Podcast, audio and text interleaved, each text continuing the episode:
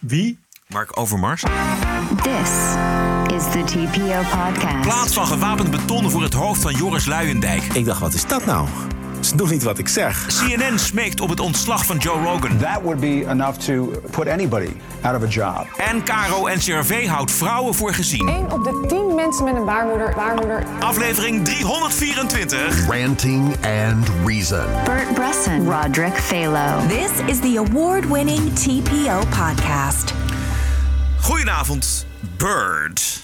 Hello everybody. Nou heb ik zo mijn best gedaan om de, de sportsuccessen erbuiten te houden vanavond. Dat is op, op, op één, Oh, op één gevalletje is dat gelukt. Eh, misschien moeten we eventjes ja, met het wonderbaarlijke geval Mark Overmars even beginnen. Eh, dat gaat nog eh, ver genoeg volgens mij. Dat kun kun jij goed volgen. Ik had nog nooit van Mark Overmars gehoord. Vandaag wel. Ja, En het blijkt eh, dat hij van Ajax is, zoiets. Jezus, jongen. En van het Nederlands elftal. Het is een van de allergrootste spelers van het Nederlands elftal. Is Echt een waar? fantastische werker. Supervoetballer. Een legende. Ik en had eens een keer, de beste eh, directeur van Ajax. De beste, de Oh. allerbeste die we... Dus dit is rampzalig wat ons en de natie is overkomen. Echt? Ja. Vreselijk zeg. Ja, Jongen, ik ween bittere tranen. Ik, ik had een keer eh, van iemand een eh, t-shirt gekregen. En daar stond op een nummer met de naam Drenthe. Dus eh, ik het t-shirt aantrekken. Doodleuk, want ik kan allemaal grappen maken over provincie Drenthe. Maar het bleek zo over Royston Drenthe te gaan. Als een voetbalshirt. En ik wist dat niet. Om- dus even om aan te geven hoe weinig ik dus weet van voetbal. maar nu, nu noem je een naam die ik ook niet ken. Nee, nou ja, goed, maar dat was, bleek dan een, eh, hele- ook een hele bekende voetballer te zijn. Er waren allemaal mensen die zeiden, eh, gaaf shirt van Drenthe. Toen zei ik, ja, topprovincie, man, Drenthe. Oké. Toen zeiden al die mensen, huh? Ja, ja, jij, anyway, jij denkt dat eh, als, als iedereen, als heel Nederland in het oranje loopt... dat dat eh, vanwege Koninginnedag is en niet vanwege een wedstrijd van het Nederlands elftal. nee, dat is vanwege de sportzomer.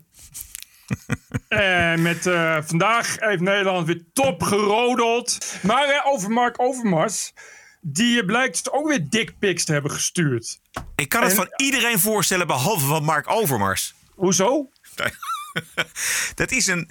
Ja, ik, heb, ik zie het al. Gewoon, dat was een, dat was een lief, lief manneke. Het was een klein manneke. En eh, een bescheiden mannetje. Geen grote bek. Maar blijkbaar is de ziekte van de dickpics eh aan iedereen besteed. Het is niet te geloven. Ik ga ook maar eens dickpics sturen. Nee. Nou, gewoon naar, niet aan naar willekeurige... Nee, maar naar willekeurige mensen, want iedereen doet dit. Ik, volgens mij ben je nergens meer tegenwoordig als je niet tenminste af en toe een dickpic stuurt.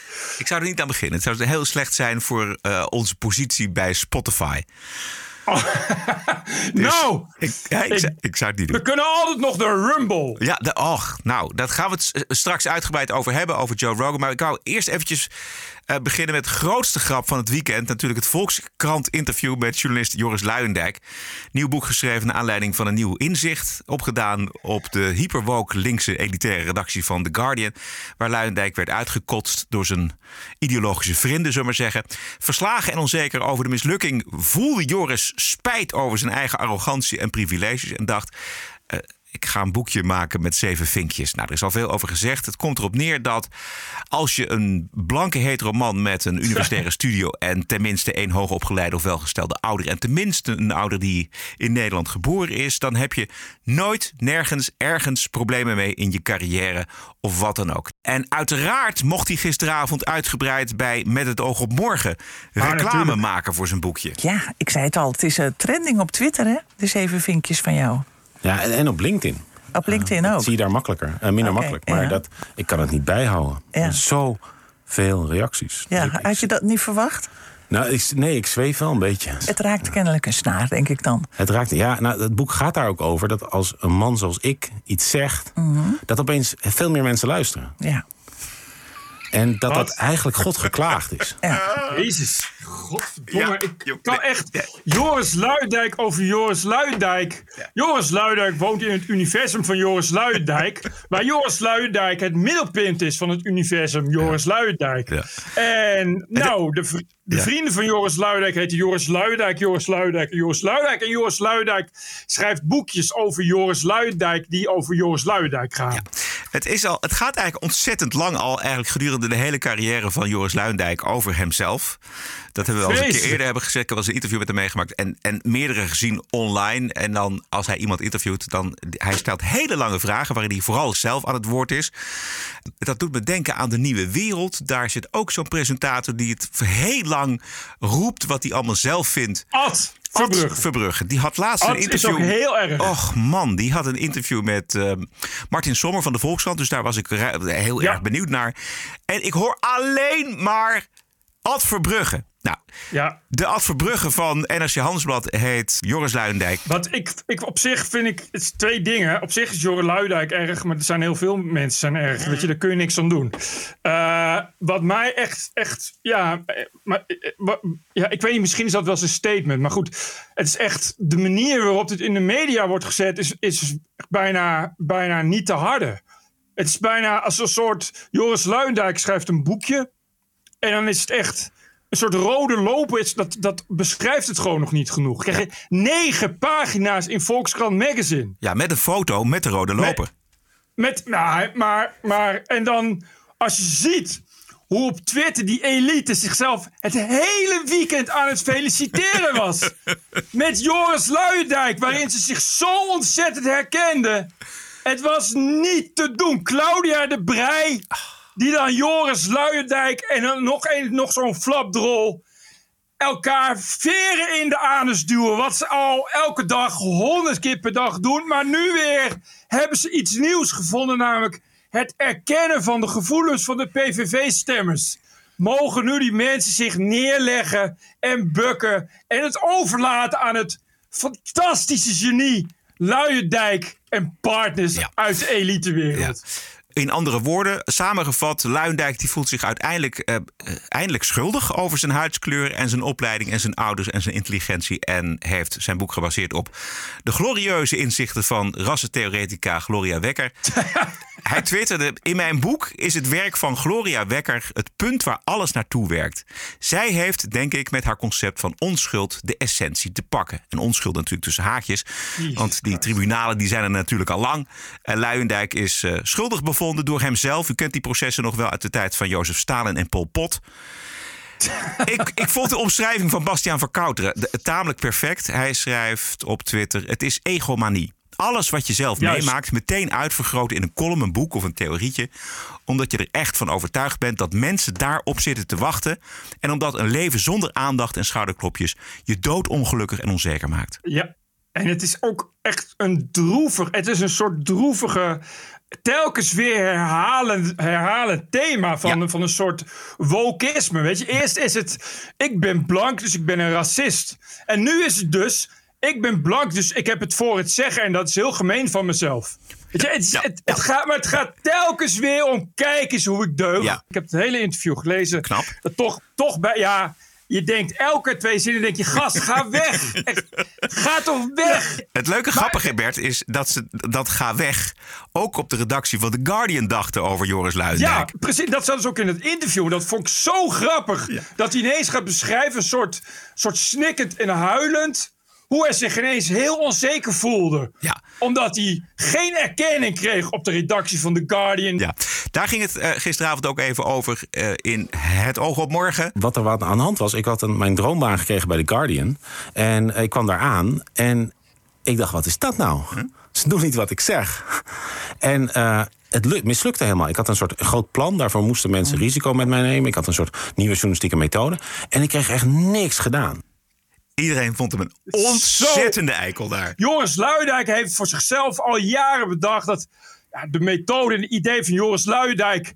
Ja, die gaan de wereld voor. Die iedereen wil dat toch? Ja. Dus, en, en de Guardian is natuurlijk. Nou, dat, is natuurlijk, ja, dat, is, dat zijn de goden op de Olympus. Waarvan Joris Luijendijk van tevoren had gedacht. Daar past hij volledig tussen. Bij de Guardian zitten ze gewoon natuurlijk smachtend op mij te wachten. Want ik ben, ik ben door en door de Guardian. Ik begrijp, Ja. ik begrijp die mensen volkomen. Dus Beter dan komt zij daar- zichzelf. Ja. dus die komt daar met een tweetjas en een pijp en een, en een opgerolde Guardian onder zijn arm. Dat al die mensen denken, wie is die treurige kwezel eigenlijk. Ja. En wat komt hij hier doen? Ja, en toch is het niet makkelijk, Bert. Als je, als je in Nederland boeken schrijft en lezingen geeft... en voortdurend merkt dat mensen willen zijn zoals jij... Als jij als eerste in je familie gaat doorleren, dan ontstaat er ook zo'n kloof met je ouders. Omdat het eigenlijk steeds moeilijker wordt om voor de ouders om nog te begrijpen in wat voor wereld jij zit. En jij zo bent veranderd. Je gaat je ook anders kle- kleden en je gaat ook anders praten.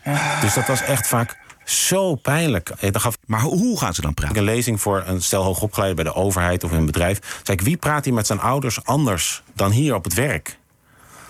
Ja, er valt echt zo'n stilte. En dan zeg ik van, en hoe gaat het dan als je telefoon krijgt van je werk terwijl je bij je ouders bent? Ja, dan loop je even de kamer uit. Want het is zo gênant. Dat je dan zo eh, ja, praat als Joris Luindijk. En ik heb dus ook zoveel mensen gesproken die, die echt geld, goed geld hebben betaald om te gaan praten zoals Joris Luindijk. Dit is, die gast is echt niet goed snik. Nee, die is echt niet En goed maar snik. ook het wereldbeeld. Ook, het, het, is- het, is- het is ook onderverdeeld in. Nu ineens zijn we weer een klassenmaatschappij. Ja. En dat is dan ook allemaal absoluut. Hè? Dus ook echt, echt, echt eh, eh, alsof iedereen dat heeft. Ja. Dus ik denk dat iedereen die net als ik zeven vinkjes heeft, ja, die, die herkent dat. En iedereen die, die, die weet je, terwijl je denkt van. Ja, ik weet het niet, maar volgens mij zijn mensen gewoon nog redelijk gewoon verschillend. Je hebt nog niet echt een klasmaatschappij. Het is nog niet zo dat iedereen die die zeven vinkjes heeft, zeg maar hetzelfde doet. Zo, er zijn ook heel veel mensen die hebben dan zeven vinkjes en die worden gewoon verpleegkundige. En die hebben gewoon heel, voor de rest van hun leven goed contact met hun ouders. Weet je, of omgekeerd. Zo, Het is echt een heel simplistisch beeld, is het. En nou ook een soort van, als we zo dan de wereld in onderverdelen, nou, dan kunnen we daar telkens die mensen, die mensen helpen.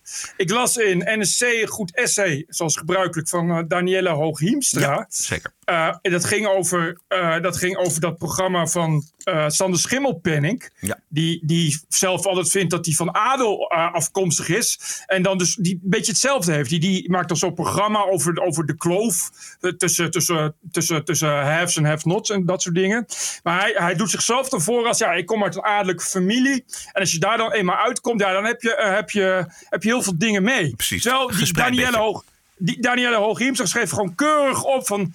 Ik weet het niet in welke eeuw jij leeft, maar dat is echt al, eh, al, al, al heel lang is dat niet meer zo. Weet je wel, de adel is, is al heel lang weg uit Nederland. Het heeft al heel lang geen functie meer. Gustav Peek is ook zo iemand eh, uit het geslacht van Peek en Kloppenburg. Die zich dan ook op een gegeven moment bekeerd, schuldig voelt waarschijnlijk op een of andere Ja.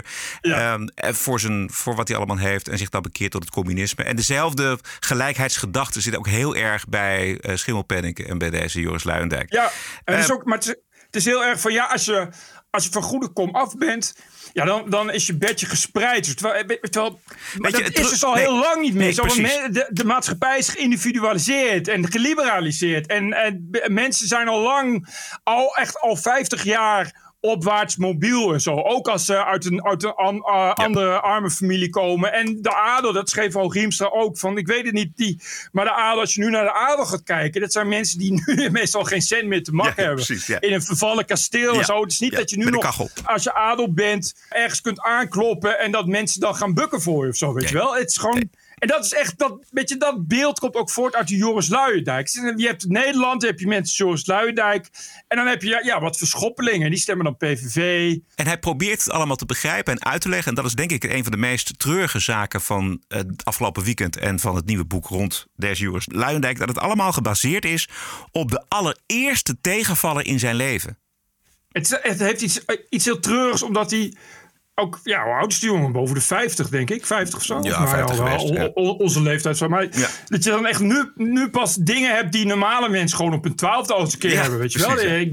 Dat je gewoon leert leven van, van. Dat je gewoon leert wat de tegenvallers zijn in het leven. En dat merkt je nu pas voor het eerst. Dat hij zijn hele leven in een bubbel geleefd. En dan blijkt ineens dat er een barst in die bubbel komt. En dan is er een, dan confrontatie met die realiteit. Die doet dan pijn in die realiteit. Want hij heeft ook, dat schrijft hij ook, dat vond ik ook zo grappig in het interview. Hij heeft hij gewoon eh, eh, ook boekjes geschreven over pessimisten zijn stom. Eh, en ik weet nog dat hij column schreef in NRC Handelsblad. En dat ging dan over elektrische auto's. En die ging hij ook lezers uitschelden. Iedereen die nu nog geen elektrische auto heeft, is een mongool. Ja. En hij heeft nooit iets anders gedaan dan mensen uitschelden. Hij vond ook dat Groot-Brittannië als voor Brexit kozen, moesten ze echt lijden Ja. en worden gemarteld. Zo iedereen die het niet met George Luidijk eens is, is, is een mongool en die moet lijden. Eh, en dan nu ineens komt hij zelf, blijkt ineens van eh, dat andere mensen hem een mongool vinden. Wel echt heel terecht, denk ik.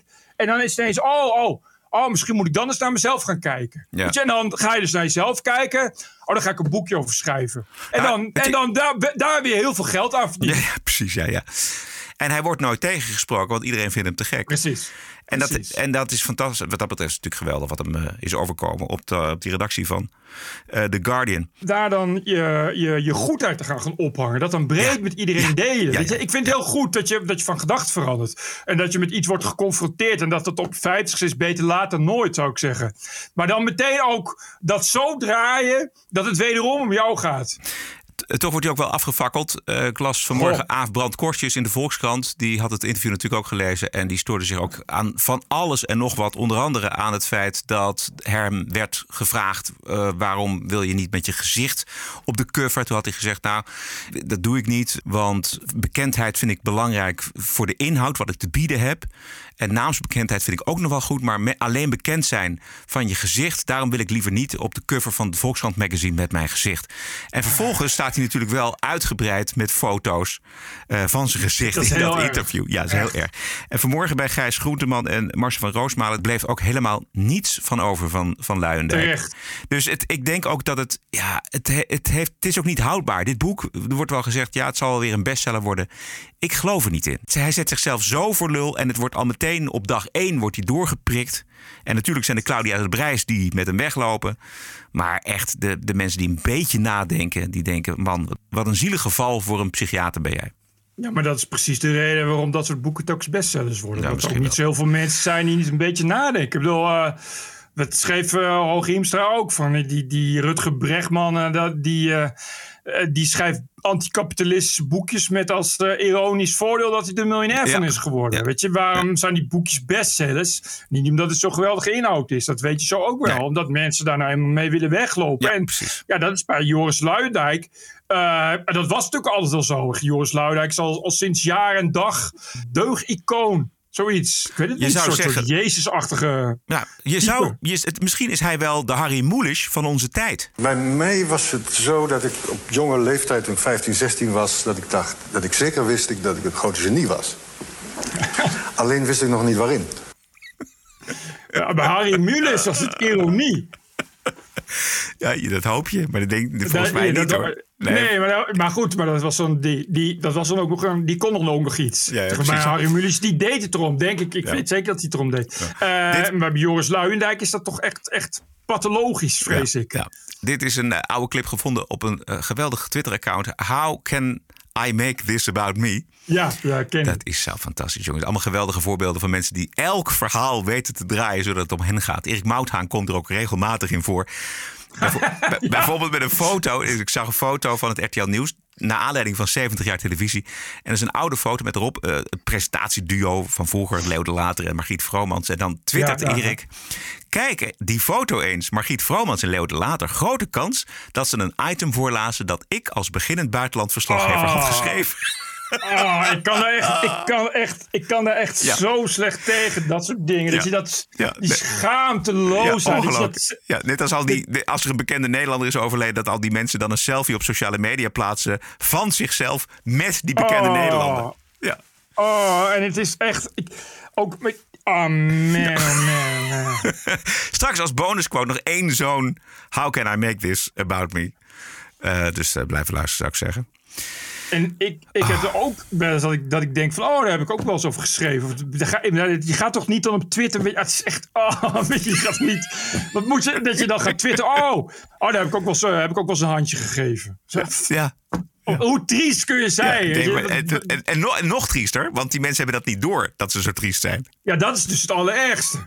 Maar, ja, maar dat is dus dat wat ik me afvraag. Ik, dat, dat, dat ik denk van ja, ik, is het niet gewoon... Nee, ja, die Erik Mout ziet dat gewoon niet volgens mij. Nee.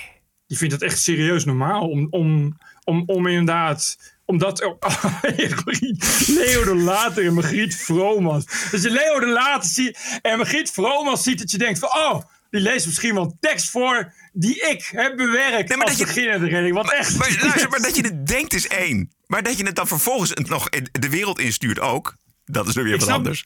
ik snap niet eens dat je zoiets kan denken. Weet Nee. je, dat je Nee. überhaupt, daar, überhaupt dat, nog, Ja. dat, je dat, nog, dat je dat dan nog denkt Ja, ook. ja. Oh, hoe Super belangrijk, ego's. je, hoe belangrijk je dan jezelf vindt, dat is echt Ja. bizar. Ja. Oh, goed. Volgende Hé, onderwerp. dat was weer leuk. Ja, wat lekker Kunnen begin. we weer... eh,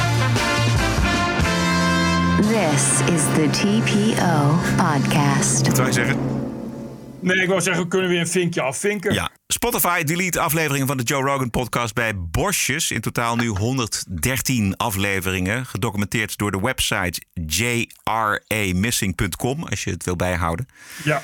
Spotify doet dat om de gemoederen wat te bedaren. Maar zo werkt dat natuurlijk niet. Als de hyena's namelijk achter je aan zitten, dan eh, gaat dat maar door. Laatste steen des aanstoot is een clip samengesteld met jaren oude fragmenten... waarin Rogan het N-woord gebruikt. En dat is dan niet het N-woord zoals we dat in Nederland ook alweer een tijdje niet meer zeggen. Maar het echte Amerikaanse N-woord. En dit zijn zes seconden uit die clip. nigger. Well, you've already said nigger. Or nigger. She's calling you a nigger. It's like this boy that he's a nigger. Ja, die context eh, die hier expres wordt weggelaten, is dat Rogan het over anderen heeft die het N-woord gebruiken. Hij quote ze. zeggen. Hij quote ze en Rogan moest hier natuurlijk uiteraard op reageren en dat deed hij zo. Hello, friends. Um, I'm making this video to talk about the most regretful and shameful thing that I've ever had to talk about publicly. There's a video that's out that's a compilation of me saying the N word. It's a video that's made of clips taken out of context of me of 12 years of conversations on my podcast, and it's all smushed together, and it looks fucking horrible, even to me. Now, I know that to most people, there's no context where a white person is ever allowed to say that word, never mind publicly on a podcast. And I agree with that now. I haven't said it in years, but for a long time, when I would bring that word up, like if it would come up in conversation, stay, instead of saying the N word, I would just say the word. I thought as long as it was in context, people would understand what I was doing. Like that context was part of the clip we were talking about Red Fox, how Red Fox said that word on television in the 1970s, and how times have changed so much since then. I was talking about how Quentin Tarantino used it repeatedly in Pulp Fiction, not calling anybody or just saying the word out loud. I never used it to be racist because I'm not racist, but whenever you're in a situation where you have to say, I'm not racist, you fucked up. And I clearly have fucked up. Yeah. Jesus Christ. ja. Bukken, Joe. Even iets dieper. Maar ja, eh, weet je, voor 100 miljoen doe ik dit ook. Elke dag. Ja. Drie keer per dag. Maakt niet uit. Voor 100 miljoen. Het clipje met de compilatie van het N-woord is gemaakt en online gezet door een organisatie die heet Patriot Takes. Zij spuren het internet af op zoek naar eh, wat volgens hun extreem rechts is en beginnen Ah. dan een cancelcampagne. Ja. Soort En- stasies zijn Ja, een soort stasies. In het geval van Rogan geholpen door de opiniezender CNN. Eh, dat horen we zo meteen. Eh, maar hoe gericht deze actie is tegen Rogan blijkt niet alleen uit de context die buiten beschouwing wordt gelaten, maar ook uit het feit dat er precies zo'n clipje te maken valt uit een, een reeks afleveringen van een progressief linkse online show. Dit is een stukje uit een langere clip van het Amerikaanse programma The Young Turks. Words to hear, but words like nigger and fag, nigger. Which is better, nigger or cracker? Dit is progressief links. Die hebben dat woord ook gezegd om iemand te quoten. Maar goed, daar hoor je dus niks over. Maar omdat Joe Rogan nu aangeschoten wild is, komt deze organisatie Patriot Takes uiteraard met deze clip. En CNN kan er geen genoeg van krijgen.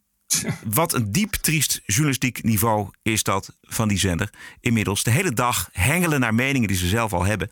Dit is Jim Acosta, zaterdag met een voormalige baseballcoach. You know, and, and speaking of uh, racism in American society, I, you know, I wanted to ask you, Coach, about uh, Joe Rogan, uh, who is now apologizing after these videos have surfaced of him using the N-word multiple times on his podcast. Um, I'm just curious if you've heard about this. What What are your thoughts on all of this? Um, and do you think Joe Rogan should be able to stay on Spotify, where his podcast is carried on that platform? No, it's terrible. De vraag aan het bekende weg. CNN roept nu openlijk op tot het ontslag van Rogan. Nog één keer deze Jim Acosta. admitted to is is uh, you know authentic, that would be enough to put anybody out of a job. I mean, to me, I, it, it it seems untenable to have that kind of video surface, that kind of compilation surface, and keep one's job. Untenable is Jezus. onhoudbaar. Dit is CNN, eh, is zo ongeveer de honderdste keer dat CNN oproept om iemand te cancelen Ja. of, of, of te ontslaan of te vervolgen of, of eh, gooit gegevens eh, online zodat iemand makkelijker gepakt kan worden. Dat is allemaal is op zich al erg, maar als CNN zou ik maar eens een beetje een iets minder grote broek gaan aantrekken. Dit is twee vliegen in één klap voor hun. Dit is één, de gehate Joe Rogan aanpakken. Eh, die hun kijkers afpakt. Of die in ieder geval belangrijker, belangrijker is dan, dan CNN. Die groter is. Veel en veel groter.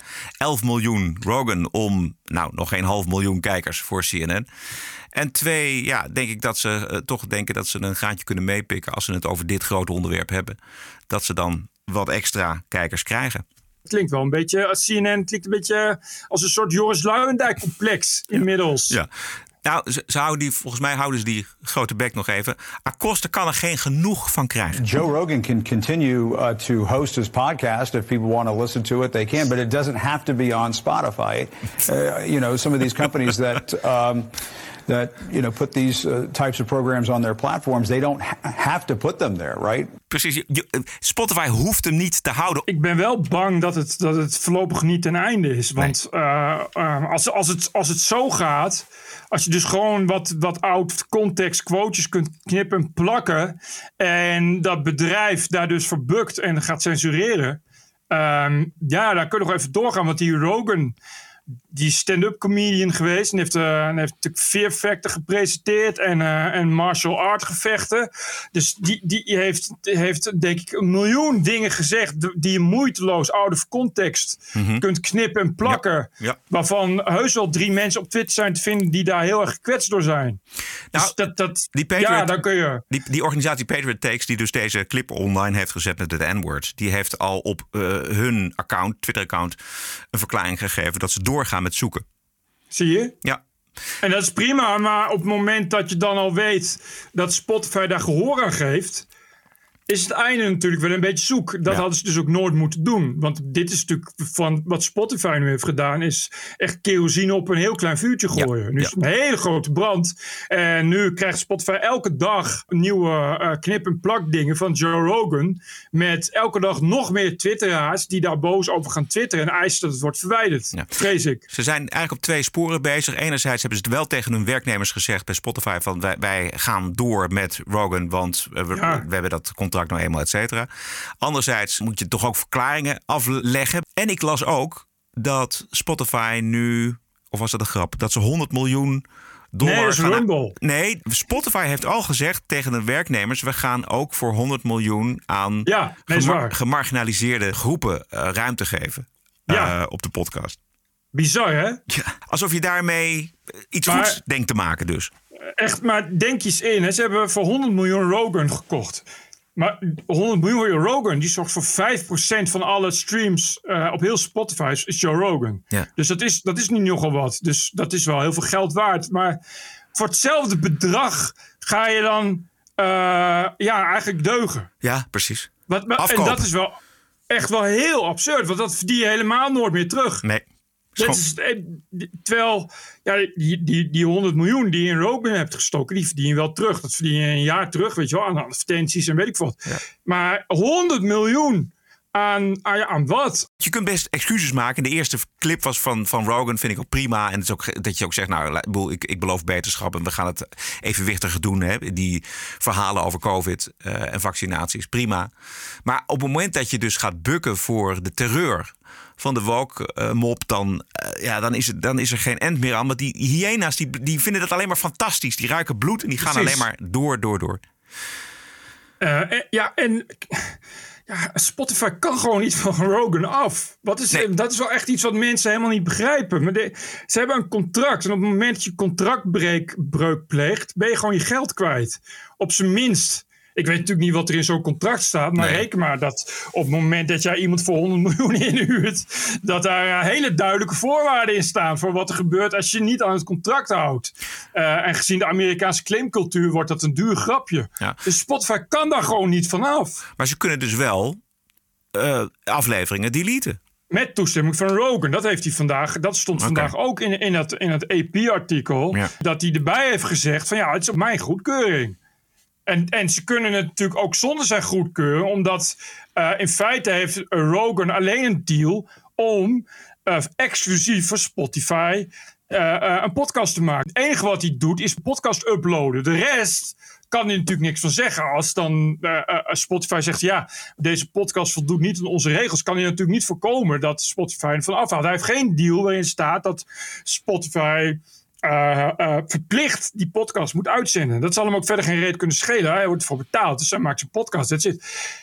Maar ze kunnen er niet zomaar vanaf. Want- Ondertussen heeft, je zei het wel even, de Canadese, het Canadese videoplatform Rumble... die heeft vanavond Joe Rogan een aanbieding gedaan. De CEO van het bedrijf, Chris Pavlovski, die schrijft... Dear Joe, we stand with you. We bieden je 100 miljoen dollar voor vier jaar... om alle podcast oud en nieuw bij ons Ja. te brengen.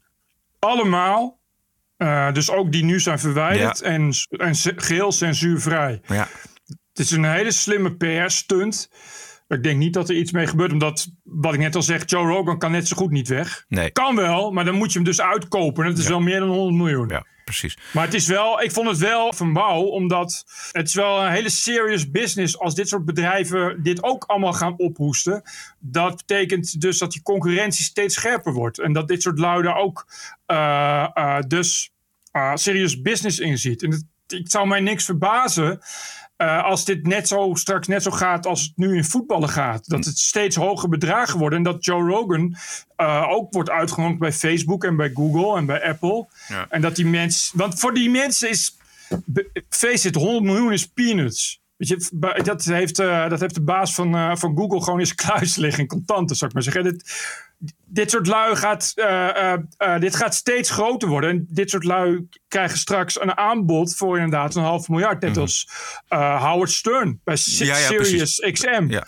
Het is wel echt continu in beweging. En het betekent, betekent niet dat het dus het definitieve einde is. Nee, zeker niet. Zeker niet het einde, het definitieve einde van Joe Rogan. En ook niet ons, ons einde, want wij gaan gewoon lekker door, Beert. Ja, alhoewel ik me dus voor 100 miljoen wel wil laten censureren. Laat, dat duidelijk zijn. Is duidelijk bij deze. Zometeen de Walkweek natuurlijk. Eh, eerst eh, nog een paar kleine laatste FVD-nieuwtjes voor de fans van de FVD. Gebeuren toch wel weer onnavolgbare dingen bij dat Forum voor Democratie. Alsof er een... Ik vond het echt alsof de psychopaat aan het speechen was vorige week in de Tweede Kamer. Baudet noemde op het Ja. eind de terreuraanvallen van het WTC onder meer een eh, gebeurtenis onder false flag. False flag. Wat zoveel wil Ja. zeggen dat de daders, dus Osama Bin Laden, Mohammed Atta en de rest natuurlijk, niet de echte daders zijn, maar in opdracht eventueel zouden zijn aangestuurd, bijvoorbeeld door het eh, Amerikaanse militair-industrieel complex, de Amerikaanse regering. Eh, dit Het World. Economic Forum ja, waarschijnlijk. oh ja, precies ja. Overigens ben ik van mening dat 9-11 een false flag was en er gefraudeerd is bij de tellen van stemmen bij de Amerikaanse Zo, u bent aan het Ja. einde. Die bergkamp zag je ook denken. Nee, Pekke, weg. nee, maar. Ja. nee, nee. Ja, geweldig. Alles is nu één groot complot bij eh, de FVD-leider. Ja, Ach. hij was vrij, vrijdag eh, in Maastricht. Op foto's zien toch al zeker twintig mensen. Dat was een geweldig beeld. Echt een heel leeg plein met wat beregenende mensen in, in eh, voor, ja, zeg maar drie podia en een groot videoscherm. Wat er, zeg maar way too much was voor, voor het publiek. En ook daar was hij aan het speechen. Eh, ik geloof dat hij nu de wereldorde omver wil werpen of zoiets. Stukje, stukje hoor, klein stukje. Ja, Dit is ons unconditional surrender moment. Dit is het moment Oh. dat wij moeten zeggen: dit hele regime moet neer. Het hele Regime. systeem. En dan bedoel ik dus niet staatsgreep, wat ze media. Ik bedoel het Great Reset regime. Het plan, het wereldplan om een supranationale, mondiale, bureaucratische orde te vestigen. Dat moet allemaal neer. Van A tot Z. We moeten een fundamentele ondermijning realiseren van het hele Davos-plan. De hele mondiale Ja. Om de menselijke vrijheid onder te brengen in een neocommunistische orde. Ja. Ik denk dat hij toch een beetje te ver gaat hier. Want niet iedereen kan hem meer volgen. Natuurlijk zijn er van die, van die wappies die Klopt. dit allemaal geweldig vinden. Maar hij praat nu het echt wel een beetje. Die, jij, jij had het over twintig mensen. Ik zag ook de foto. Even afhankelijk van het moment waarop die foto genomen was. Maar het Ja. waren er inderdaad niet zoveel. Maar ik, ik kan me toch niet voorstellen dat een hoop mensen dit nog volgen. Nee, het wordt ook steeds meer wartaal. Ja. wat ik ook zie is dat uh, Gideon van Meijeren... die begint steeds meer het stokje over te nemen. Ja? Ja, hij, hij, uh, Gideon van Meijeren is ook lijsttrekker... bij uh, de gemeenteraadsverkiezingen in Den Haag. en het lijkt erop dat, dat Gideon van Meijeren steeds meer op de voorgrond komt. en ik zie ook steeds meer mensen die uh, ja, het over Gideon Vermeijer hebben, niet over Thierry Baudet. En dat heb ik al eens voorspeld, dat het op een dag misgaat. Omdat Thierry Baudet kan er niet tegen dat er iemand groter is dan Thierry Baudet. Nee, maar hij heeft... Thierry Baudet is wat dat betreft een soort Joris Luijendijk. Ja, precies, ja.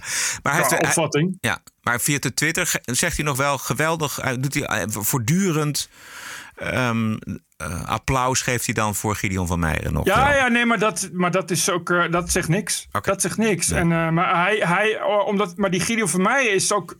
Um, ja, een stuk ervarener en een stuk. Of ervarener in elk geval wat intelligenter komt hij over. En een stuk meer volgbaar dan Baudet. En ik heb echt het idee dat hij inderdaad ook steeds meer begint te raaskallen. En dat hij gewoon ook zelf niet meer weet waar hij over praat. En als je dan in een bijzin op helemaal op het eind even heel snel, snel, snel nog even zegt dat 9-11 uh, allemaal georchestreerd is. Ja, dan ben je het niet.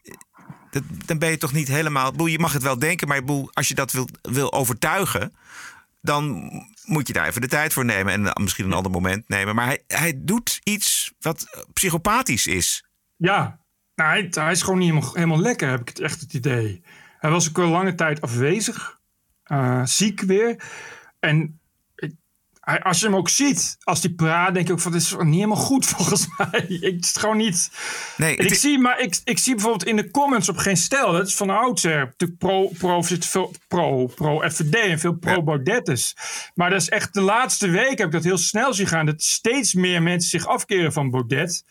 Uh, en zich steeds meer ook, ook, ja, jammer. Ik vond hem wel bekocht en zo. Want, want FVD hadden ze natuurlijk wel vertrouwen in. Maar eigenlijk is de teneur nu bijna voor 100% van ja, die Baudet is knettergek. En dan zie je dat mensen uh, steeds vaker zeggen uh, van ja. ik, ik, ik ben er ook niet meer, maar ik, ik zet nu mijn geld op, op Gideon van Meijeren. Ja. En, en dat is op zich veelzeggend. Dat ze mensen ook echt. Ja, hij is echt mensen aan het kwijtraken nu. Ja. Uh, toen die speech in de Tweede Kamer van Baudet, toen moest ik even denken aan een moment aan One Flew over de Koekoeksnest. I'm talking about God, the devil, hell, heaven. Do you understand? Finally! Ja.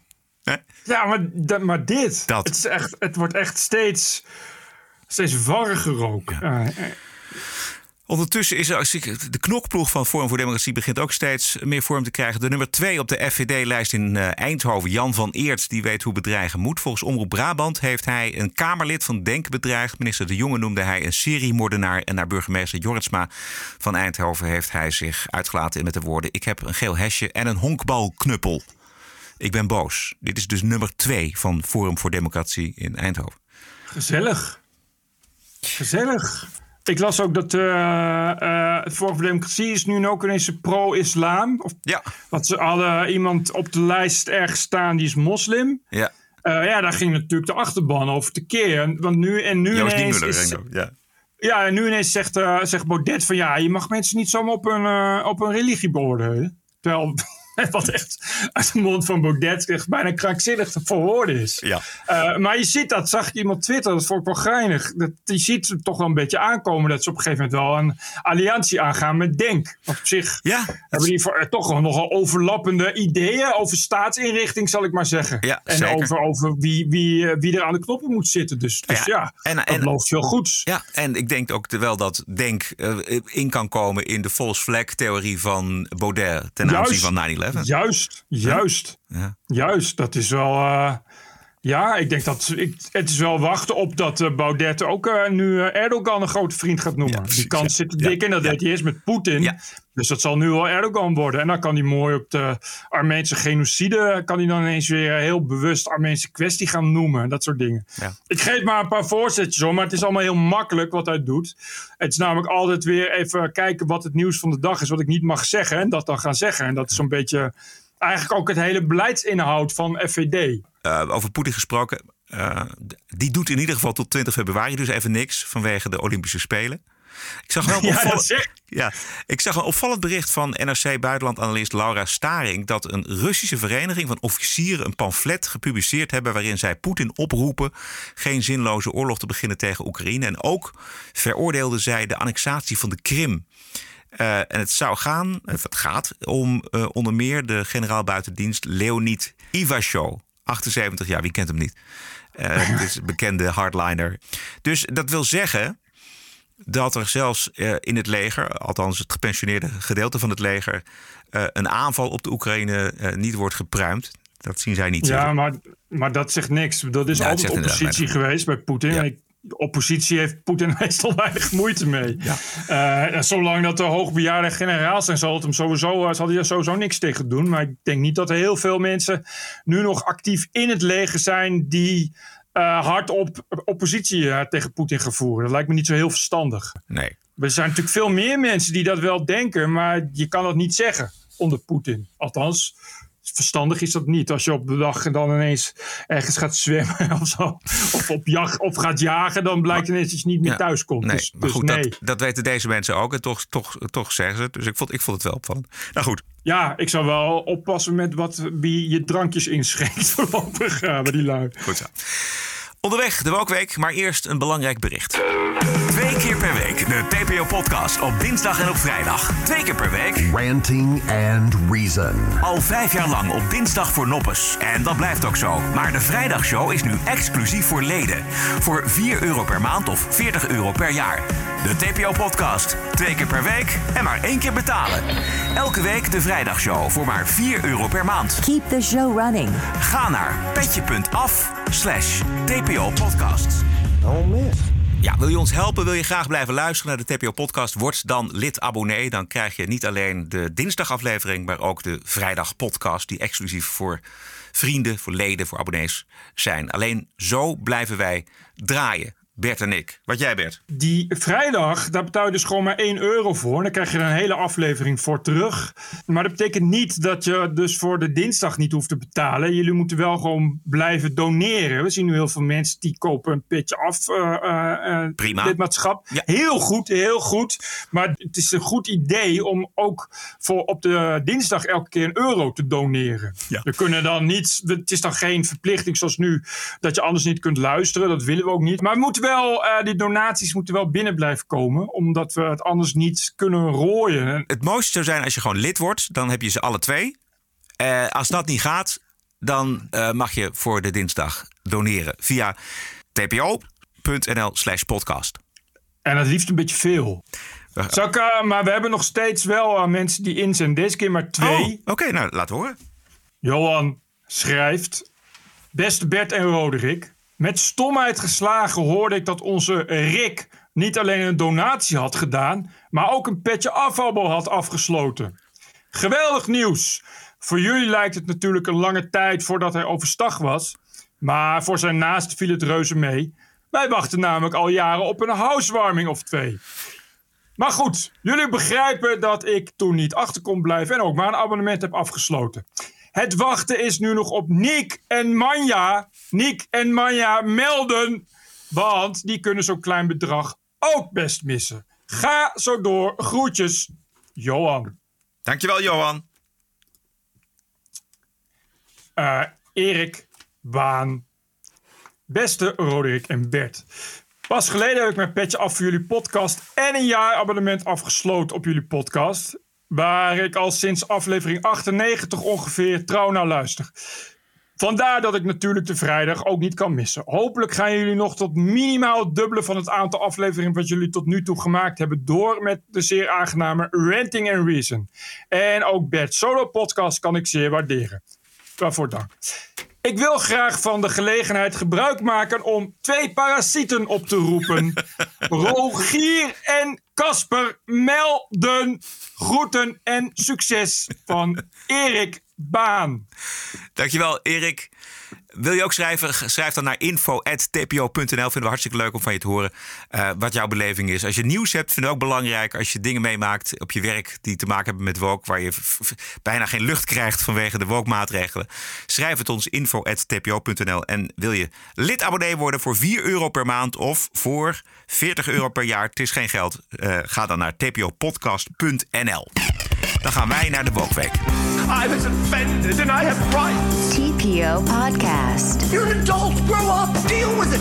I don't care. care. Dit is het nieuws uit de open inrichting. De nieuwe transgenderwet die komt eraan. Het kabinet dacht die eventjes in alle stilte door de Kamer te jassen. Maar nu vragen columnisten als Martin Sommer, Roland Plasterk en Jan Kuitenbrouwer toch uh, luidruchtig om een debat. Groot bezwaar tegen de wet is dat jongeren in alle verwarring van de puberteit zonder enige diagnose zich man of vrouw mogen gaan noemen. Naar gelang hun gevoel dat ingeeft, begrijpt u. Los van alle verwarring die de jongeren en de samenleving uh, te wachten staat, is het leed niet te overzien als jongeren met een aantal lichamelijke ingrepen en hormoonbehandelingen achter zich uh, denken dat ze toch de verkeerde keuze hebben gemaakt. En dat zal de Woke-coalitie een worst wezen natuurlijk, als ze maar kunnen deugen. Het Parool en andere kranten niet te vergeten. Donderdag, ik je het gezien Bert, maar een kritiekloos stuk over de ontmenselijke wachttijden bij de genderpolie in het Amsterdamse UMC. Ja. Och, het was ongelooflijk. Oh, echt de zoveelste keer al. Ja, het is pure propaganda. Het, het, ja, dat is het ook. Quoteje eruit. Het duurt niet alleen te lang. De zorgvragers voelen zich ook betutteld, zegt Sien, initiatiefnemer van de actie Wij zijn het zat. De psycholoog gaat voor jou bepalen of je wel echt trans bent, terwijl je daar al jaren mee bezig bent. Er kan dus volgens Sien een uh, streep door de bezoeken aan de psycholoog of de psychiater. Geen Wat? diagnose, ja, geen diagnose, maar volledige zelfbeschikking. Wel ja, wat ook, een goed idee. Ja, ook Maureen van Leeuwen, zij is voorzitter van de patiëntenbelangenvereniging Transvisie, weet dat daar veel leed zit. Patiënten ervaren dat alsof ze door een hoepeltje moeten springen. Wij voelen ons op dat punt wel eens gediscrimineerd. Een kritiekloos stuk in het parool alleen maar ter propagering van die nieuwe transgenderwet. En ik vind het verschrikkelijk echt, en daarom is ook het initiatief van deze columnisten zo belangrijk, dat kranten daar gewoon niet kritisch over schrijven. Het is heel verschrikkelijk. Het is bijna misdadig. Daar hoor je kritisch over te schrijven, omdat het hele belangrijke uh, maatschappelijke thema's zijn die je kritisch moet belichten. Ja. Dat is namelijk waarvoor je journalist bent en waarvoor je medium bent. En het is echt te bizar voor woorden dat dit soort dingen tegenwoordig uh, ja, maar dit was alleen parool of stond het, heb je hetzelfde gezien in andere kranten? Ik zie nergens kritische stukken over de transgenderwet die eraan komt. Precies, ik, ook, ik dus ook niet. Dus die, ik, ik zie uh, wel dus alleen maar lange, durige interviews met trans mensen over hoe fantastisch uh, de transitie was en weet ik veel wat, maar nooit dat je denkt van Weet je, dit soort mensen moet je, als je dan zoals zien, die dan zegt van uh, ja, we willen eigenlijk dat uh, bezoek aan de psycholoog wordt afgeschaft, moet je gewoon heel veel kritische vragen stellen. Die moet je dan zeggen van nou oké, okay, maar dat geeft toch heel veel problemen, want je kan toch niet zomaar mensen zonder enige keuring vooraf, als ze net 17 of 18 zijn, weet ik veel, uh, kun je ze toch niet die, een hele rits van operaties doorbrengen. Nee. Dan wil je toch, toch, toch als staat mede voor verantwoordelijk zijn, ja. weet je. Maar dan ook, moet je die kritische vraag ook stellen, maar dat gebeurt dus niet. Maar ook het feit dat dus het artikel begint met dat de wachttijden zo uh, gigantisch zijn. En dat die wachttijden zijn natuurlijk enorm, omdat er enorme aanvoer is van mensen die graag van uh, geslacht willen veranderen of identiteit willen veranderen. Maar het begint daar met de kritische vragen. Hoe komt dat? Weet je wel, het is, ja. het is natuurlijk het topic op de sociale media. Worden mensen niet overgehaald in een hele kritische leeftijdsfase, de puberteit, om, om dit soort uh, ingrijpende dingen met hun leven te doen en met hun lichaam. Dat is toch, dat, daar begint toch de kritische vraag. Nee, helemaal niks daarover. Niets, nul. Ja, ja. Het lijkt erop dat de afdeling onderzoeksjournalistiek van de omroep KRO NCRV alvast een voorschot neemt op die transgenderwet met een uitlegvideo over een ziekte endometriose die vervelend is en pijnlijk kan zijn. Uh, de vraag is voor wie die ziekte geldt. Endometriose. Misschien heb je er wel eens van gehoord als je bijvoorbeeld de comedienne Amy Schumer volgt, maar misschien ook niet. Misschien leid je er wel aan, maar weet je het nog niet. 1 op de 10 mensen met een baarmoeder. 1 op de 10 mensen met een baarmoeder lijdt namelijk aan deze ziekte. 1 op de 10 mensen met een baarmoeder. Oh man, oh man, oh man. Wat is toch een GGZ-instellingen. de Nederlandse media. Misschien moeten ze er gewoon maar mee stoppen. Echt helemaal. Het gaat juist om dat inclusieve taalgebruik. Vrouwen kunnen niet meer.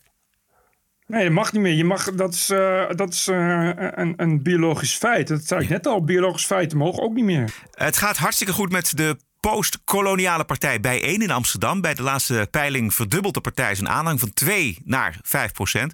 En omdat het straks uh, schrapen wordt om het Centraal Comité in het zadel te houden hier in Amsterdam, kunnen Amsterdammers zich alvast verheugen op een wethouder herstelbetalingen. En we zagen hem afgelopen week al op de lokale tv-zender AT5. Zijn naam is Jazi Veldhuizen. En dit Oh, is de aspirant-wethouder met zijn plan. Nou, kijk, weet je wat ik zou willen zeggen? Ik denk dat het vooral belangrijk is dat ehm, de mensen om wie het gaat, hè, de, de, de nazaten van tot slaafgemaakte mensen, dat daarna wordt geluisterd en dat die ook een, eh, een centrale rol spelen in hoe we dit gaan aanpakken. En als ik luister naar de verschillende eh, eh, postkoloniale gemeenschappen, dan ja, speelt herstelbetalingen zeker. En ik denk gewoon bijeen stelt dat we die gesprekken moeten gaan voeren. Ja, dit is natuurlijk het... Wat een cabaret. Dit is het uitzicht op letterlijk de regenboog. En dan aan het eind van de regenboog staat een enorme bak met geld. eh, allemaal bijeengebracht door de Amsterdamse belastingbetalers. En die gaan dan eh, geld inzamelen voor de herstelbetalingen. Dat is waar deze aspirant-wethouder voor staat. Deze Jazi Veldhuizen. Eh, Hij wil echt wethouder van Ik herstelbetaling worden. GroenLinks, D66, Partij van de Arbeid, SP, die, hebben, die verliezen misschien wel hun meerderheid. En dan moet het, eh, dan moet het worden aangevuld met bijeen. En dan krijgt Ja. eh, deze Jazi Ja. krijgt dan het, het wethouderschap. Nee. Dus dan wordt gewoon bijeen eh, erbij. dat wordt, wordt lachen. Ja, dat weten dan ook de, de Amsterdammers waar hun belast- belastingcentrum heen gaat. Dus dat uh, houd het even in de gaten als je straks gaat stemmen in maart. Verder, de Britse actrice Melanie Newton... die postte op Instagram een, een, een verontschuldiging. Joris Luijendijk. Sky News vond het belangrijk genoeg om het uit te zenden. De actrice heeft een Engelse vader en een Zimbabwaanse moeder. Haar huidskleur is dus lichter dan die van andere mensen van kleur. En dit is haar schuldgevoel. I wanted so desperately to apologize every day to, to, to darker skinned actresses to say, I'm sorry that I'm, cho- I'm the one chosen. My mama looks like you. My mum looks like you. And Oh, Jesus. it's been very painful to have women that look like my mum feel like I'm not representing them, that I'm taking from them, taking their men, taking their work, taking their truth. Dit is een zeer gearriveerde actrice. Stinkend, Precies. stinkend rijk. Extreem Precies. succesvol. Die zit met een Joris Luijendijk complex. Eh, de emotie is echt. Ik heb het gezien. Ja, is echt. Of het is een hele goede actrice. Maar Ja, hij, ja, hij nee, lijkt, dat hij- denk ik dus. Hij lijkt echt. Maar los daarvan twee dingen. Eén, waarom deze emotie opnemen, online zetten en uitzenden. Ook door Sky News. En twee, een schuldgevoel over dat jij geen mensen ongevraagd zou moeten kunnen vertegenwoordigen met iets waar je niets aan kunt doen, namelijk je huidskleur. Het geeft ook echt een enorme leegte weer waar die mensen in moeten leven. Als je gewoon alles al hebt en dan weet je het gewoon niet meer. Weet je, ja. Nog een, nog een, nog een zeilboot of, of nog een huis in de Hollywood Hills. Ja, dat heb ik allemaal al. Ja, dan moet je je maar schuldig, eh, een beetje Ja. schuldig gaan Ja, white guilt Weet je heet dat. Ja. Ja, ja. Ja. Nog meer verontschuldigingen uit acteerland. Susan Sarandon, progressief altijd op de barricade Och, tegen die fascisme was erg. Ja. Die staat ook altijd vooraan om zogenaamde minder bedeelden te vertegenwoordigen. Vorige week kwamen er duizend politiemensen in New York bij elkaar op straat. En Susan Sarandon die twitterde die foto met de tekst... Dit is zoals fascisme eruit ziet. En als deze agenten Wat? vandaag niet nodig zijn om criminaliteit te bestrijden, zijn ze dan überhaupt wel nodig? Maar de agenten die waren bijeengekomen voor de begrafenis van een collega. en dat had de Hollywood-trut niet door. En toen ze daarop gewezen werd, toen kwam ze woorden tekort natuurlijk om haar excuses te maken. Maar wel goed dat ze het aankaart, het fascisme van de politie. Want zoals ze zelf eh, al dag en nacht, want Susan Sarandon woont natuurlijk op driehoog achter. Een heel krap, duur, veel te duur huurfletje in New York. Wat ze nauwelijks kan betalen van een luizenbaantje. Dus die wordt natuurlijk elke dag geconfronteerd met het fascisme en het racisme van de politie. Ik heb er nog eentje, Bert. Eh, na de Palestijnse gebieden en Israël gaan de ijsmakers van eh Ben Jerry's nu ook het Amerika-beleid voor Oekraïne aanpakken. Gelezen. In een, tweet, Nee. in een tweet zeggen de ijsmakers van Unilever... je kunt niet tegelijkertijd oorlog voorkomen en je erop voorbereiden. Wij roepen president Biden op om te deescaleren. Het sturen van duizenden extra Amerikaanse troepen naar Europa... wakkert alleen maar de vlam van oorlog aan. Dit zijn de ijsmakers Ben Jerry's van Unilever... over het Serieus? buitenlands Amerika-beleid. Ja. Wauw, dat is toch wel een nieuwe stap. Eh, op zich. Kijk, want eh, eh, dat je zegt van ik wil in Israël ijs niet gaan verkopen, is natuurlijk ontzettend domme sneu. Maar er zit er nog geval nog een gedachte achter van ja, want zij denken kennelijk dat Israël een nieuwe Hitler is of zo. Dus oké, maar dit is eh, een nieuwe, hele nieuwe, hele nieuwe dimensie van domheid. Het lijkt me niet dat je als ijsmaker zomaar in staat bent het volledige geopolitieke conflict even samen te vatten in, eh, eh, tussen twee smaken, cookie dough en, eh, en Ben Jerry Room Plus eh, door. Ik Ja. weet het niet. Dit was de werkweek. Ja. What a woke week it was. This is the TPO podcast. Snel door naar Amerika. TPO podcast. Ladies and gentlemen, the President-elect of the United States.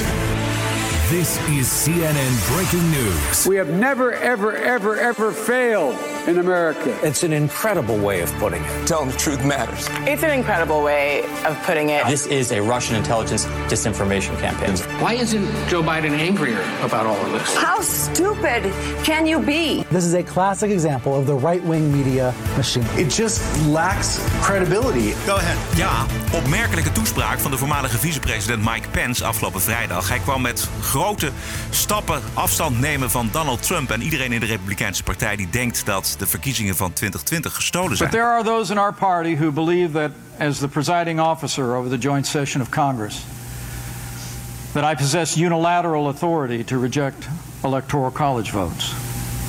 And I heard this week that President Trump said I had the right to overturn the election. But President Trump is wrong. I had no right to overturn the election. The presidency belongs to the American people and the American people alone. And frankly, there is no idea more un American than the notion that any one person could choose the American president. Under the Constitution, I had no right to change the outcome of our election. And Kamala Harris will have no right to overturn the election when we beat them in 2024. Ja. Klappen ze nu voor de voorstelling, voor de, klappen ze voor de voorspelling dat de Democraten de volgende verkiezingen gaan verliezen? Of voor het afvakkelen van Trump? Ik snap niet helemaal, waarom komt hij daar nu mee dan? Trump heeft eh, het weekend daarvoor gezegd dat deze Mike Pence het recht had om, want daar ging hij over, die, eh, die, die vicepresident, om die verkiezingen eh, ongeldig te verklaren. Hij reageert op Trump dus nu. Precies, Ja, precies. En hij was nog niet klaar. Look, I understand the disappointment many feel about the last election. I was on the ballot. But whatever the future holds, I know we did our duty that day. And the truth is, there's more at stake than our party or political fortunes. Men and women, if we lose faith in the Constitution, we won't just lose elections, we'll lose our country. Ja, dit is toch wel belangrijk. Dit is afstand nemen van een mogelijk nieuwe kandidatuur van Trump. Dit is ook dat- afstand dat nemen van het kinderlijk gedrag van Trump. Misschien doet hij hier een poging om, eh, om, om, eh, ja, om daar toch ook eh, een poging te gaan wagen. Ja, dat zou zomaar kunnen. En, en dan puur echt inderdaad, want hij is natuurlijk een ultra-conservatief. Hij is ook zo christelijk als neten. Ja. Is, dus hij zal eh, wel echt een, een goede kandidaat kunnen zijn voor de Republikeinen. Ja. Ja, om die, ja. om die partij weer naar het midden te trekken. Dit, dit- en de, en- Precies. want ja, of Kamala Harris het, het nieuwe wordt en Biden gaat sowieso niet voor een tweede termijn. Dus die, die democraten staan ook heel zwak. Dus Pence Ja. zou in principe electoraal een goede kans maken. Eh eventjes zo uit de losse pols. Maar absoluut. Hè? Hij, is, hij is natuurlijk al vicepresident geweest. Ja, Eh, ja. Oh, toch volledig zonder kleerscheuren uitgekomen ook. Hè? precies. En dat terwijl hij toch dat met Trump eh, netjes heeft volgemaakt. De- eigenlijk de enige die niet, die niet is weggestuurd, ook de Trump. Ja, dus exact, ja. ja. en, en wel dus- iemand waar je op kan bouwen, denk ik. Juist, en ik denk dat dan een hoop conservatieve eh, democraten ook wel voor hem zullen gaan. Hè? De, zeg Ja, maar, ja, de, precies. rechts, de, rechts, de rechterkant van de Democratische Partij, die denkt, nou, dat is misschien wel een goede. Ja, dit is helemaal geen gekke gedachte. Een paar reacties, korte reacties na afloop eh, in het publiek. I was pleasantly surprised uh, with how he handled it. I thought he did a great job. I, I think it's time to move on from the 2020 election and look forward to 2024. How do you think that comment will sit with former President Donald Trump being called wrong? Um, probably not well, but I guess we'll have to wait and see what he says. Ja. Dit is de crème de la crème. Dit is Federalist Society. Dit is opgericht in 1982 door rechtenstudenten van, let op, Yale, Harvard en de Universiteit van Chicago. Ja. Crème de la crème van conservatief Amerika. Ik wou net zeggen, rechtser en conservatiever dan dit is er niet, Nee, denk ik. nee, maar dit is niet de Trump-base. Nee. Tot slot. TPO Podcast. Ja, zoals beloofd, de grootste ego's van Nederland verzameld op How Can I Make This About Me? Dit is van VI Vandaag, voetbaltrainer Oh Erik Meijers. Heb je gezien? Nee. Ik had nog nooit van die man gehoord. Maar Ik ook niet. volledig ten onrechte. Moet ik nou allemaal vertellen wat ik gewonnen heb? Ja. Zitten we hier morgen nog? Vertel even Ja, maar heb je een hele lange uitzending met... de- met de- Ja, we met- kunnen, we kunnen dit wel, kunnen knippen, We kunnen dit wel oprekken, ja. ja. Nee, ja goed. Het is altijd heel moeilijk om van jezelf te zeggen wat je allemaal gewonnen hebt. Oh. Maar eh, als je al 30 jaar trainer bent... en dat je bij iedere, succes, bij iedere club waar je geweest bent succesvol bent geweest... ja, dan is het wel te veel om op te noemen wat je allemaal bereikt hebt als trainer. En daar ben ik heel trots op. Ik bedoel, ik ben bij Hater twee keer gepromoveerd naar de hoofdklasse. Dat was toen het hoogste niveau. Ik ben bij RKHV gepromoveerd naar de hoofdklasse. was toen het hoogste niveau. En de beker gewonnen. Ik heb bij Achilles... Ja, waar heb ik niet gewonnen? Ik heb daar eh, een keer zeven prijzen in één jaar gewonnen. En dat begon met de districtsbeker. En toen wonnen we de grote beker van Nederland. Toen wonnen we de Supercup. Toen werden we kampioen. Toen werden we landskampioen. toen wonnen we de Riegels Michels Award. Dat zijn maar voor weinig trainers weggelegd. En uiteindelijk wonnen we ook nog de Fair Play prijs. Nou, toen werd ik ook nog door de plaatselijke journalist hier eh, verteld dat we ook nog eens keer de eh, Gelderse sportfoto hadden gewonnen met de club. Dat ik één Oh, prijs te weinig had opgegeven. Ja, en uiteindelijk eh, hebben we bij JVC nog eh, de, de beker gewonnen. Ben ik bij Helmond Sport vierde geëindigd in de Jupiler League. Halve finale play-offs tegen Sparta verloren. Uiteindelijk met Achilles de beste prestatie geleverd ooit in de historie van de club... door 15e te eindigen in de Jupiler League. En dan ben ik nog de KNVB-beker vergeten... waar we vier keer bij de laatste 16 van Nederland zijn geëindigd als amateurclub. De laatste 16. Waarbij we gewoon eredivisieclubs eh met tijd en wijle gewoon versloegen op de heikant. Eh, ik heb eh, Ronald Koeman nog in 2000 bij RKHV binnen zien komen wandelen als beginnende trainer. Dan denk ik van nou, jij hebt nog een hoop werk te doen. Ik heb mijn eerste training met Philip Cocu mogen geven en bij PSV A1. Toen dacht ik van nou Philip, jij moet het vak nog leren. Wauw. Dit is wel echt heel grappig hoor. Al- Allemaal serious, hè? Echt Hij gaat, gewoon, hij gaat gewoon ook door. Ik dacht van ja, die vertelt gewoon drie prijzen. En dan stopt weer. Komt gedaan, daar ook echt. Zelfs de meest lullige dingen gaat hij heel serieus. Nog nooit, Wauw. nog nooit eerder dan bij de laatste 16 geweest. Ergens voor een of andere Ja. Ongelooflijk. Ongelooflijk, jongen. De- dit is dus, even kijken, Erik Meijers heet hij. Dit- Ik had het nooit, het is een trainer. En het grappige was, het interview begint dat PSV zoekt een trainer. Wist ik ook niet, maar dat blijkt zo te zijn. En Ja. eh, toen zei, ze, zei die interviewer van, eh, eh, is dat niks voor jou, PSV? Toen zei hij, nou, ze mogen bellen. En toen begon dit verhaal dus. Maar de, de- het onvoorstelbare, eindeloze geloof in jezelf. Dat is misschien ook wel iets om een beetje nou, niet jaloers op te zijn, maar het is zo. Luiendijk, het is Schimmelpenninck, het zijn deze, Erik Meijers. Werkelijk denken dat ze God op aarde zijn. Ja, deze denk ik wel een beetje autistisch. Ja. Er zit maar, allemaal. dit- ja, maar hier hoor je ook echt geen. ge- geen dit, is, dit is volgens mij iemand die. eh, als je dus, dus ironisch vraagt: van vertel eens wat je prijzen zijn. Dat dus gewoon gaat doen. Maar dat, dat soort mensen heb je. Die gewoon niet. Die, die alles wat je zegt. Ja, ze kunnen daar geen, geen onderscheid. Ja, dat is dus autisme, dat je daar geen onderscheiding echt gewoon doodleuk gaat oplepelen. Ja, weet je, wat je. Alles, alles, Maar alles. alles ook gewoon. Dat hij een prijs kreeg bij de schoolkrant. Of- Precies dat. Dat nog. Maar deze mensen voelen dat ook gewoon helemaal niet, ook gewoon niet meer aan. Maar ja, dat Nee. denk ik bij Erik Mout aan, denk ik ook niet. Nee, precies. Nee. Och man, wat, wat zijn dat soort mensen ook thuis gewoon, weet je, vreselijk. Ja, maar dat lijkt me dus ook dat die mensen gaan op een feestje, dat je dat dan voor de grap zegt. Heb jij wel eens een prijs gewonnen? Nul bescheidenheid, helemaal niks. Ja, Hij ongelooflijk. kan wel, hij kan wel samen met Erik Mout een cabaretduo beginnen. Goed. Elke dinsdag en vrijdag online via je favoriete kanalen. Aanstaande vrijdag zijn wij terug met de vrijdagshow voor alle abonnees. Nog geen abonnee? Nou, ga dan naar tpopodcast.nl. Kom je vanzelf op petje af. De vrijdagaflevering kost 4 euro per maand of 40 euro per jaar. Dat is zo goed als voor niks. Twee keer per week de TPO-podcast voor de prijs van één. Join de club en dan spreken we elkaar vrijdag weer.